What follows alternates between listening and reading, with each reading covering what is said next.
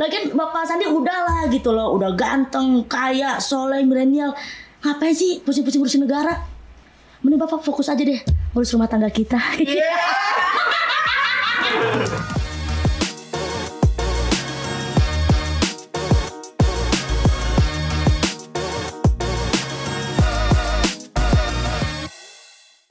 Bapak Sandi. Halo Kiki, Ah. makasih banget udah datang ke sini. Sama-sama Pak, sebuah kehormatan bagi saya seorang Kiki Saputri, manusia biasa Pak, bisa datang ke podcast Bapak gitu ya. Ya siapa sih yang nggak kenal sama Pak Sandiaga Uno gitu kan? Pengusaha sukses, direktur, politisi, bahkan sekarang udah jadi youtuber. Ih, sungguh sosok yang sangat multivitamin, multi talenta dong, multi talenta maksudnya komedi. Ya soalnya serba bisa gitu. Gimana nggak multi talenta kan? Jago olahraga, bisa matematika, bisa main gitar, semuanya bisa. Tapi cuma satu yang Pak Sandi nggak bisa, Apa tuh? nggak bisa jadi wakil presiden. Iya. Eh,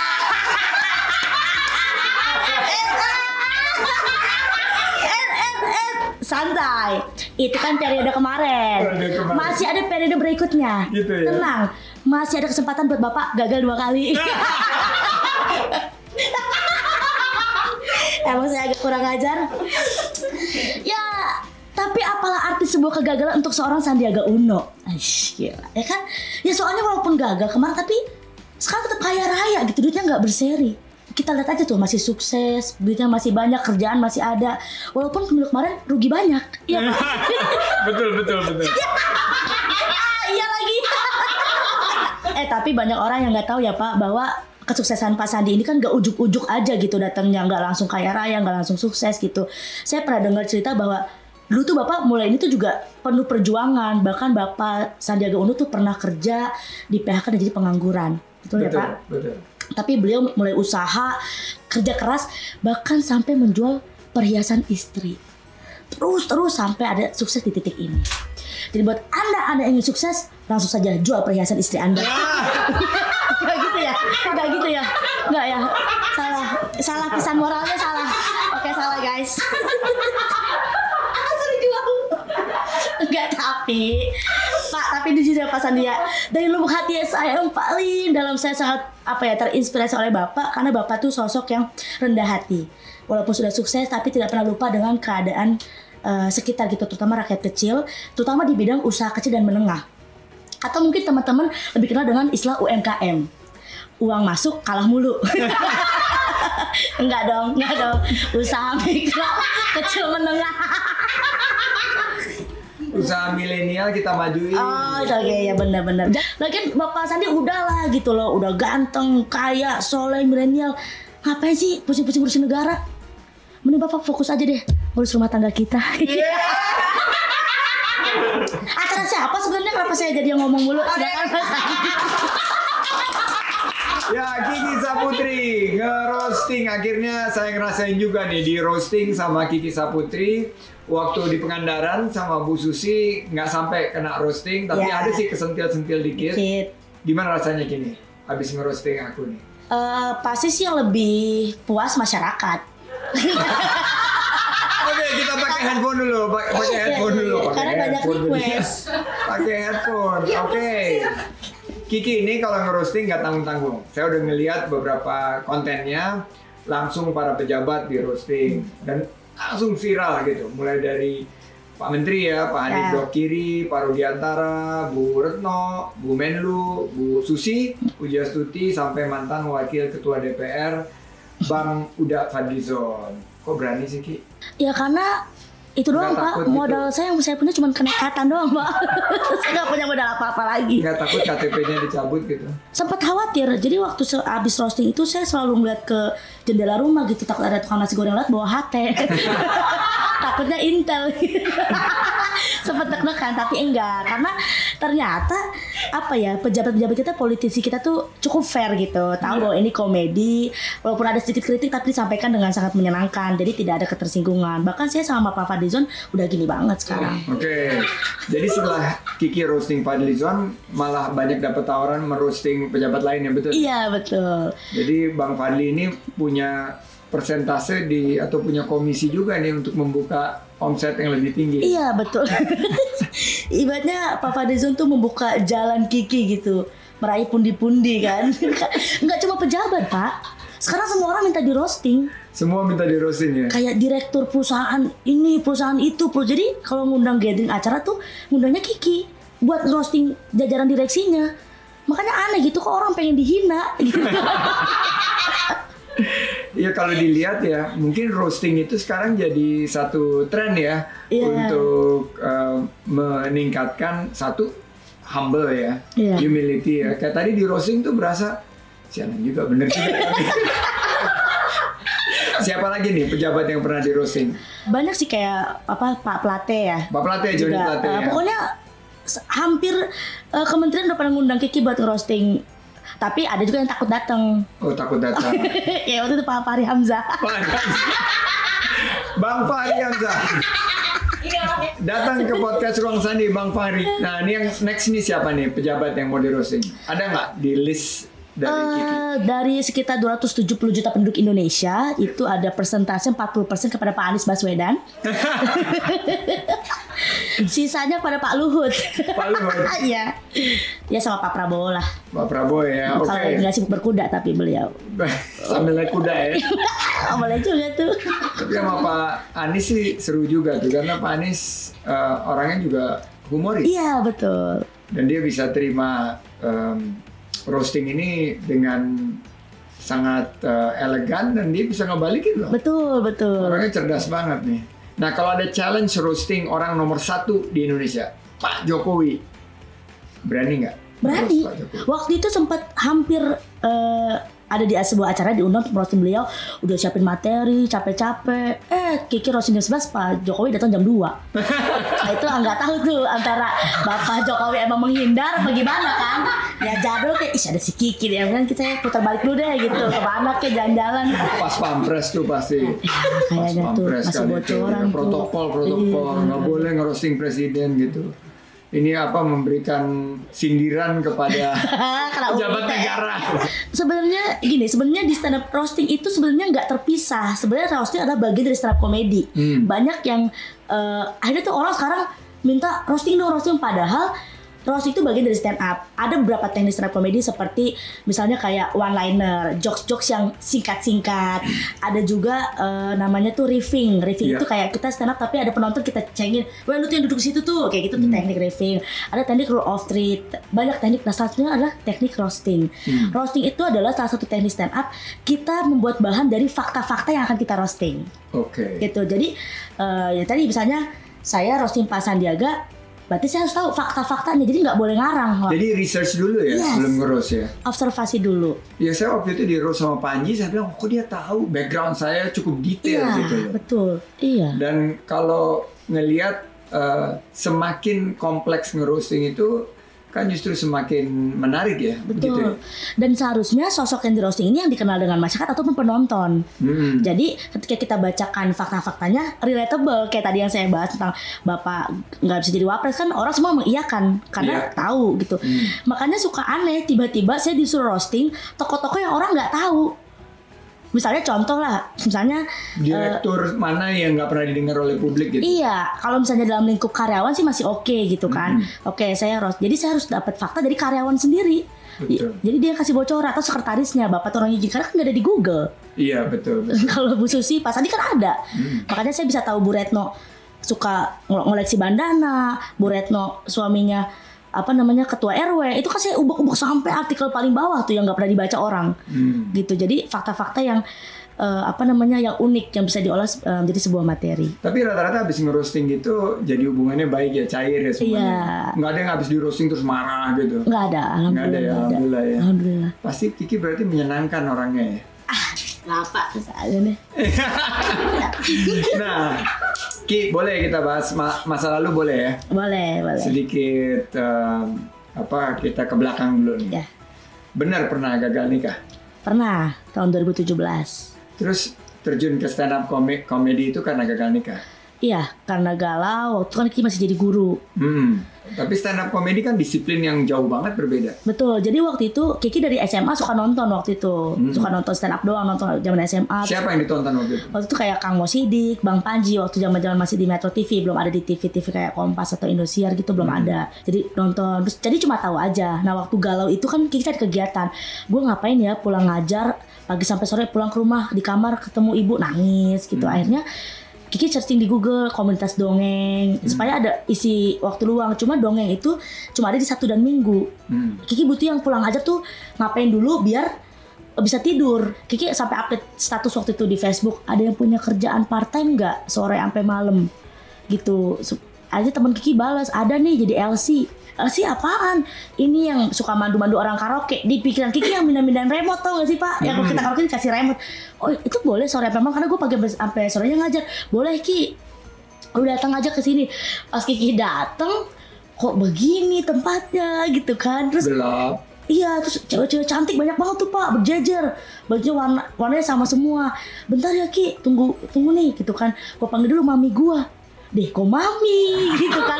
Kok langsung akrab, langsung ada mami gitu kan. Terus Kiki ngerasa itu kan nggak bener lah, kayak ya masalahnya pagi sampai sore mencerdaskan anak bangsa, masa sore ke malam merusak moral bangsa kan? Kiki nggak ambil pekerjaan. Nggak, nggak nyambung. Nggak nyambung. Hati nurani masih dipakai pada saat Masih. itu ya kan. Belum, belum terlalu kepepet ya kalau udah kepepet. Belum, iya. Pernah katanya sampai trauma, stres, Iya. Sampai mau bunuh diri. Iya, Bisa betul. diceritain? Ya itu tadi karena udah tiga tahun pacaran manggil ayah bunda kan, pasti galau banget dong pak pas gagal nikah ya kan. Kayak ngerasa, wah udah saya kasih semuanya gitu. Hmm. Semua. Perhatian, Oh, perhatian. kasih sayang maksudnya. Terus gak jadi nikah kan depresi, saya mau hampir mau bunuh diri waktu saya sampai searching di Google tuh kiat-kiat bunuh diri tanpa rasa sakit. Yang keluar malah ayat waktu itu pak. Barang siapa membunuh diri sendiri maka haram surga baginya. Waduh. Nggak jadi saya bunuh diri pak. Itu berarti Google pinter juga yang ngeluarin ayat itu. ya? Iya, mati normal aja belum tentu masuk surga pak. Apalagi bunuh diri kan. Iya. Akhirnya saya nggak jadi. Iya. Ketemulah up komedi. Jadi kayak apa Jadi ya? stand up comedy itu salah satu savior juga ya. Yes. Yang membahagiakan, eh, menyelamatkan, Menyelamatkan dan, hidup saya. dan menghibur ya. Waktu memulai sebagai stand up comedy kan susah. Jangankan sendiri gitu loh. Kita bersama-sama aja untuk perform di depan Iya. publik itu kan cukup ya deg-degan gitu. Pernah ngadepin nggak nggak lucu terus nggak ada yang ketawa gitu semua. Kalau sampai nggak lucu total sih enggak sama sekali. Aduh amit amit pak, ya ampun jangan sampai gitu kan. Terus eh, cuma pernah kayak waktu momen after viral roasting itu, terus diundang ke salah satu perusahaan. Jadi Kiki di awal pasti roasting dulu, roasting direksi. Terus Kiki masih terus di tengah-tengahnya Kiki masih bawa materi stand up pribadi, Hmm. materi diri sendiri. Nah itu tuh nggak works. Ternyata Kiki paham bahwa sekarang orang undang Kiki tuh pengennya full roasting, full Oh. tematik dengan acara itu.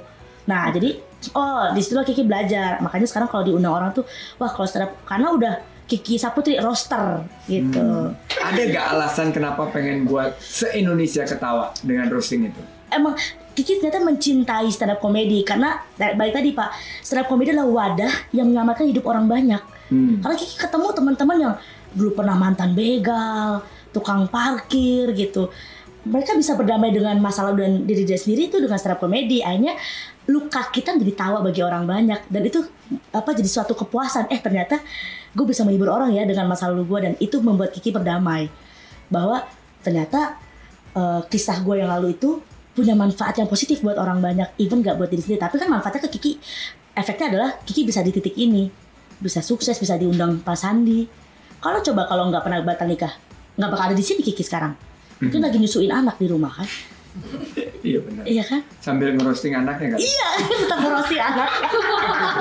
Nah lihat beribu-ribu orang ketawa, ada nggak rasa happiness gitu loh bisa menghibur orang? Oh pasti, Hmm. pasti Pak. Ya contoh simpelnya hari ini aja lah. Kiki pas dihubungin podcast Sandi roasting Sandiaga Uno, langsung Kiki okein Pak.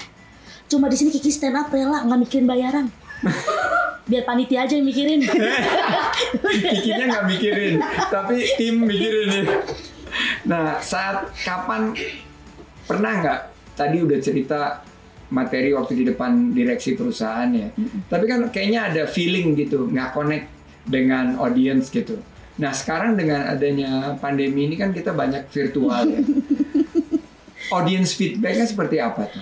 Nah, Kiki tuh nggak pernah mau ambil job roasting ataupun stand up kalau nggak bisa interaktif atau even lewat virtual Kiki harus bisa lihat audiensnya tuh Hmm. minimal lihat Kalau Zoom itu minta dibuka semuanya Yes. eh, kameranya ya. Eh, kameranya. di onin. Mm-mm. tapi kadang-kadang panitia nggak mau buka suara takutnya kan bertabrakan takutnya Hmm. ada yang lagi di pasar atau gimana gitu paling soalnya kalau stand up kan kita butuh feedback ketawa semakin penonton ketawa adrenalin kita tuh semakin tinggi gitu Iya. kan Makanya kalau acara-acara stand up komik itu harus physical ya. Kalau Iya. kalau kita lihat uh, Jimmy Fallon, um, mungkin Johnny Carson yang zaman uh, tahun 70-an itu semua audiensnya live gitu. Iya. Karena dia bisa mengukur ya betul dari reaksi uh, audience. Hmm, nah kalau misalnya ada kita juga punya stand up comedian tuh kalau ada satu beat yang nggak kena kita kan butuh tahu nih oh ini nggak kena berarti gue harus punya cadangan gue keluarin. Tapi kalau virtual kita atau kita video doang kita nggak tahu dia ketawa apa enggak.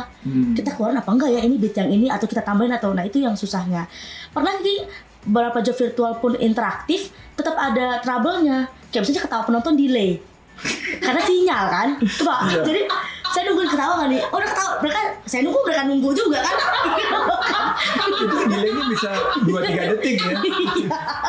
Kita ketawa belum sih gitu mereka udah ketawa kita kok nggak ngomong-ngomong tapi tapi ya karena permintaan banyak kan nggak mungkin saya tolak Cek. Apaan sih? Oke, dalam proses jadi komika ada nggak orang yang paling berpengaruh dan mungkin sebagai mentor gitu, ngajarin awalnya ada ada banget namanya Obi Mesak salah satu Oh. stand up comedian juga dari Hmm. timur dari timur ya? Iya, dulu tuh kita dikenal sebagai kita satu komunitas stand up. Sebelum kita masuk TV tuh kita lomba-lomba dulu pak ke partai-partai, ke kafe-kafe yang hadiah cuma satu juta, jual lima puluh ribu, dapat helm, dapat nasi kotak tuh. Nah, Obi ini yang ngajarin Kiki bagaimana candus materi, gitu, bagaimana menggali keresahan sehingga jadi sebuah materi. Dia yang membawa Kiki sampai titik ini. Tapi dia nggak ada di titik ini sama Kiki.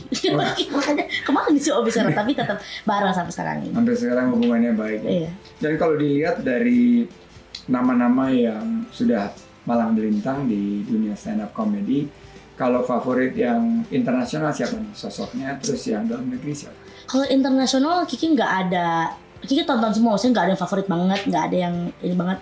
Ta- Tapi dalam negeri kalau yang membuat Kiki jadi ah kayaknya ini jalur gue nih gitu. Sama dalam negeri juga kita Kiki tonton semua, tapi yang jadi eh, ini yang apa ya? Istilahnya tolak ukur Kiki adalah Panji Pragiwaksono. Oh Mas Panji. Karena Bang Panji adalah salah satu stand up komedian yang bisa mengubah materi berat menjadi ringan dan bisa diketawain. Soal kenegaraan, pendidikan, kan bikin Kiki sama guru gitu kan materi-materi tentang Kiki bawa dulu tuh awal-awal Kiki bawa isu-isu gaji guru kecil. Hmm. Kiki menyuarakan itu dan itu kan materi yang berat sebenarnya. Guru honorer Guru honorer, terutama. ya. guru honorer. Nah, kalau para pemirsa podcast Ruang Sandi ini ingin jadi komika, ingin jadi stand up komik gitu, step pertama apa yang mereka harus lakukan?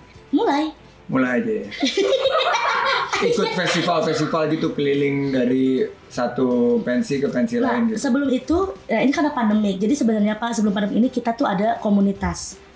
Stand Up Indonesia punya komunitas di seluruh penjuru di setiap regional ada Stand Up Indonesia Jakarta Timur, Jakbar, Jaksel, Depok, Bandung, semua Riau ada Anggotanya sampai? Merauke. Setiap komunitas beda-beda. Udah ratusan ribu kalau seluruh Indonesia. ribu. Wow. Karena nggak tahu sih ratusan 40-an ya. Pokoknya banyak lah Pak. kalau kalau digabung se Indonesia karena satu komunitas itu bisa ratusan gitu. Hmm. Gitu kan. Jadi kalau misalnya udah kelar pandemi, kita tuh biasa ada namanya open mic Open mic ya. di setiap kafe-kafe itu gratis kalian bisa datang bisa searching di Google misalnya kalian tinggal di Depok cari aja stand up Indo Depok lihat oh latihannya setiap hari Rabu di kafe ini jam sekian datang aja kalian mau nonton dulu nggak bayar nggak nggak daftar registrasi nggak ada. Datang nonton oh begitu. Atau bilang nanti ditawarin ada yang mau naik suka kita tawarin ke penonton atau pengunjung gitu. Saya mau coba dong coba aja. Cobain nanti oke nanti diajarin cara nulisnya gitu. Dari situ dulu. Kalau ada lomba ikutin lomba buat ngelatih mental. Ada kompetisi TV ikutin gitu. Dan kalau saya tuh ikut bangga juga ya Indonesia sekarang sudah jadi dewasa ya. Dulu kan sesuatu yang nggak pernah terpikir waktu saya masih kuliah bahwa para pejabat kita bisa di roasting gitu. Kalau di Amerika itu kan tiap malam Iya. di roasting oleh talk show Iya. gitu. Presidennya di roasting. Eh, sekarang ini kan ya banyak eh, ancamannya ya. Iya. Tapi saya melihat banyak pejabat-pejabat juga sudah mulai terbuka Yap. gitu dan melihat ini juga sebagai bagian daripada keterbukaan, bagian daripada feedback masyarakat. Nah, komedi zaman now di Indonesia menurut Kiki gimana? Ya sebenarnya udah udah Kiki juga ngerasain enak ya. Maksudnya kita bisa kan itu kan pendapat yang kita bungkus dalam komedi. Jadi Hmm. banyak banyak orang-orang yang mulai open minded yang kayak sedikit-sedikit tuh "Eh, coba dong roasting dong coba dong ledekin dong. Jadi ternyata komedi sekarang tuh udah nggak receh lagi kayak dulu yang dorong-dorongan eh gitu. Tapi udah lebih kritis gitu kan. Jadi ya juga Kiki terus senang karena Kiki termasuk pelaku dari eh, komedi itu kan Iya. Banyak. Jadi yang slapstick sudah banyak lum- lumayan banyak ditinggalkan. Iya, sekarang lebih yang kritis, yang cerdas. Contohnya bintang Emon mengkritisi Oke. segala suatu hal yang viral gitu. Jadi sebuah materi komedi. Nah, sekarang saya ingin ngajak karena di podcast Ruang Sandi selalu ada game time dan ada hadiahnya. Wow, apa Pak Umroh? Ada Ah, saya belum umroh soalnya Pak Sandi. belum buka Oh untuk. iya benar, oke. Nah, let's go. Kita main games. Nama Alright. gamesnya satu kata banyak makna. Akan ada petunjuk satu kata dari suara misterius, Alright. voice from upstairs. Saya dan Kiki akan saling menjawab secara bergantian dengan cepat. Oke, Bapak dulu ya. Oh, tergantung nanti akan di- Oh, diarahkan Oke. oleh the voice from upstairs Oke. kepada kita. Misalnya, contoh soal voice from upstairs bilang Kiki mulai duluan kata kuncinya adalah payung. Oke. Terus Kiki akan jawab hujan. Oh. Saya akan jawab panas. Kiki jawab hitam. Saya bilang gerimis. Kiki bilang basah. Saya bilang pelindung. Oke. Dan ini akan terus kita bergantian sampai nanti eh, satu Ada yang eh, delay ya. ada yang delay, nggak bisa memikirkan apa kata yang berhubungan dengan payung. Ah, aku sangat tertekan. Kayaknya Kiki nggak akan kehabisan kata-kata karena sebagai roaster sangat berpengalaman merangkai kata-kata. Enggak, Pak, tapi kalau depan Bapak tuh saya kehabisan kata-kata. Yeay! Ada efek-efek tuh. Cie, cie, gitu. Ready? Of course, sir. Oke, ready drum rolling, drum rolling. Silakan, voice from upstairs. Silakan suaranya. Kata yang pertama adalah camping. Dimulai dari Kiki. Tenda, Rumput, hutan, hujan, pramuka, siaga, becek. hujan. Udah tadi ya. Becek sih. Bapak nggak fokus gara-gara kata becek. Becek ini bikin gap, bikin salfok. Oke, lanjut. Kata kedua yaitu kue. Dimulai dari Pak Sandi.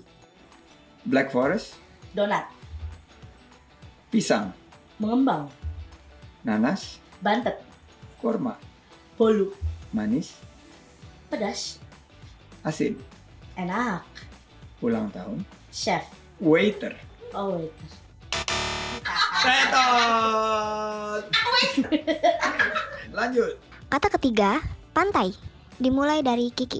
Bikini, Pasir, biru, ombak, pohon bakau, topi, Bu Susi, kain,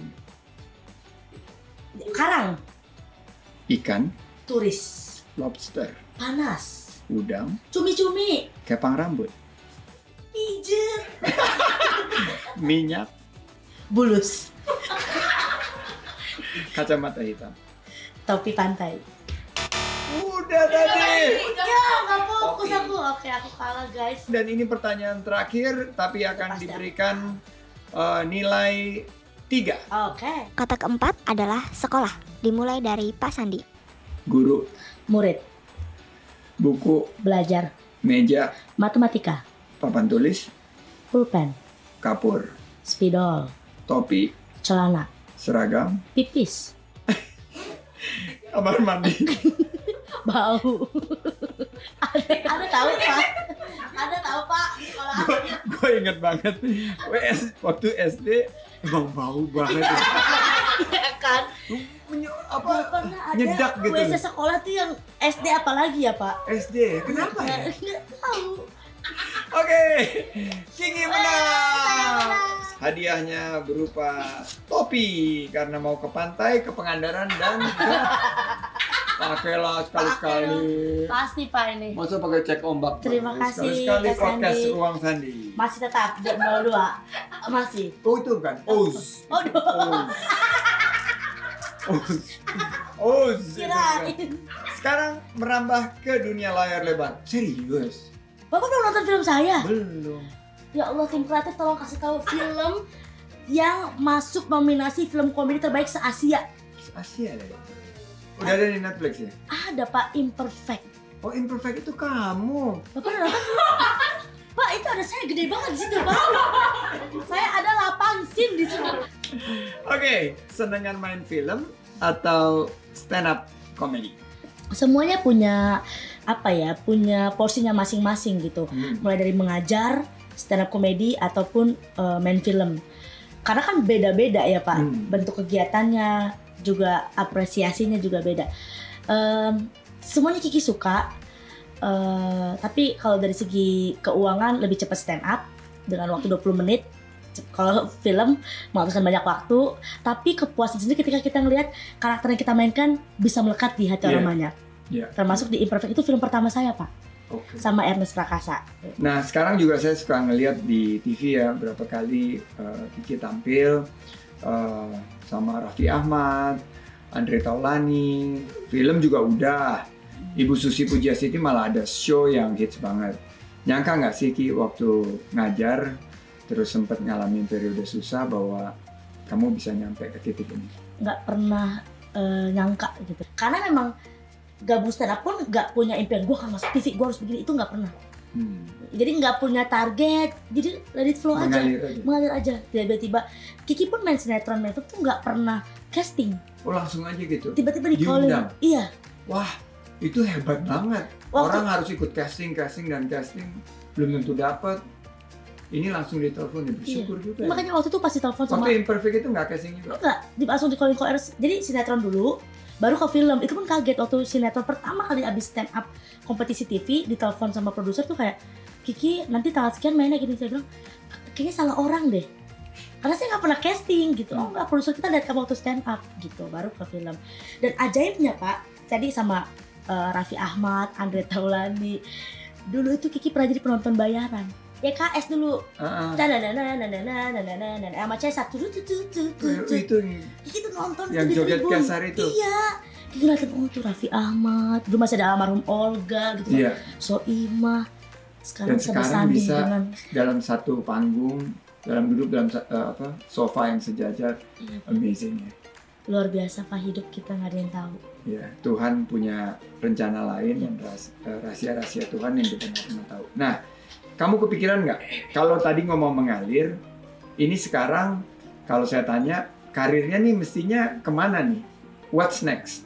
Em, anggota DPR kayaknya loh boleh dong Itu yang paling banyak di roasting kali. saya bagian komisi roasting jadi saya roasting tempat-tempat saya sendiri Tapi ada nggak ya stand up comedy yang udah di Senayan? belum Belum ada kan? baru Bang Panji kan baru jadi jubir waktu itu itu udah dihujat banyak orang Belum ada ya kan? Tapi eh, penyanyi udah, Mm-mm. terus pelawak eh, udah pel- pelawak banyak pelawak banyak tapi stand up comedy belum ada kan? belum karena masih banyak yang idealis Oke. kayak kita kan tugasnya menjaga eh, rakyat gitu Tapi Pak, salah satu yang bisa dilakukan perubahan yang fundamental adalah jika semakin banyak teman-teman di DPR dapat masukan. Karena roster itu kasih masukan yang feedback karena ini kan Iya. berdasarkan riset. Nah, last but not least, cara untuk selalu membuat Indonesia itu tertawa. Versi Kiki gimana? kalau misalnya ditanya dari bagaimana Kiki bisa membuat Yusuf tertawa nggak mungkin bisa Hmm, karena siapalah Kiki Pak Jokowi aja nggak bisa hmm, apalagi Kiki Saputri gitu cuma eh, ya paling bisa Kiki, apa bisa Kiki lakukan dalam lingkup pekerjaan Kiki aja bisa selalu menghibur ketika Kiki lagi kerja gitu. Cuman kalau untuk teman-teman di rumah bagaimana caranya untuk tetap dalam kondisi seperti ini bertahan gitu ya ya banyak hal-hal positif sama hal yang kayak misalnya sekarang ada covid. Nah jangan terlalu fokus sama sama si masalah ini gitu. Tapi Hmm. coba lihat hal-hal lain yang membahagiakan kamu di luar. Ya Kiki juga kalau misalnya Kiki fokus kayak harus jadi tulang punggung keluarga bayar listrik bayar sekolah adik bayar makan maksudnya ya nggak akan bisa ketawa tapi kan yang Kiki lihat adalah hal-hal lain nah jadi ya teman-teman di rumah mungkin eh, bisa gitu Kiki nggak akan bisa membuat kalian semua tertawa, tapi kalian juga kalian bisa membuat diri kalian tertawa gitu. Ataupun orang-orang terdekat kan ada ngomong mantap gitu. Jadi kembali ke individunya Iya. masing-masing. Dan Kiki selalu punya uh, slogan kayak gini untuk hidup Kiki pribadi. Kita tidak pernah bisa menyenangkan banyak orang. Yang bisa kita lakukan adalah bermanfaat bagi orang banyak. Nah, untuk mengakhiri saya akan mengutip pesan dari Kiki. Percaya bahwa tidak ada yang sia-sia dengan sebuah kebaikan. Sekecil apa pun yang kita tanam, kebaikan itu akan kembali. Jangan pernah lelah menjadi orang baik dan berbuat baik. Kiki Saputri 2020. Kiki Saputri 2024 calon wakil presiden bersama Sandiaga Uno. Dan Kiki sudah melakukan itu, berbuat baik, at least menghibur kita semua di sini di Oke. podcast Ruang Sandi. Dan Kiki tidak pernah lelah membuat orang banyak tertawa. Terima kasih banyak, Kiki udah mampir menyempatkan di sela-sela kesibukannya. Dan kita tutup sampai di sesi berikutnya dari podcast Ruang Sandi. Tapi sebelum saya tutup, jangan lupa dong subscribe, share, like, dan komen. Pencet tombol merah dan Yes. kita tutup dengan foto-foto. Yes. Jangan lupa juga uh, subscribe Kiki Saputri Official. Yes, Kiki Saputri official. Ding dong.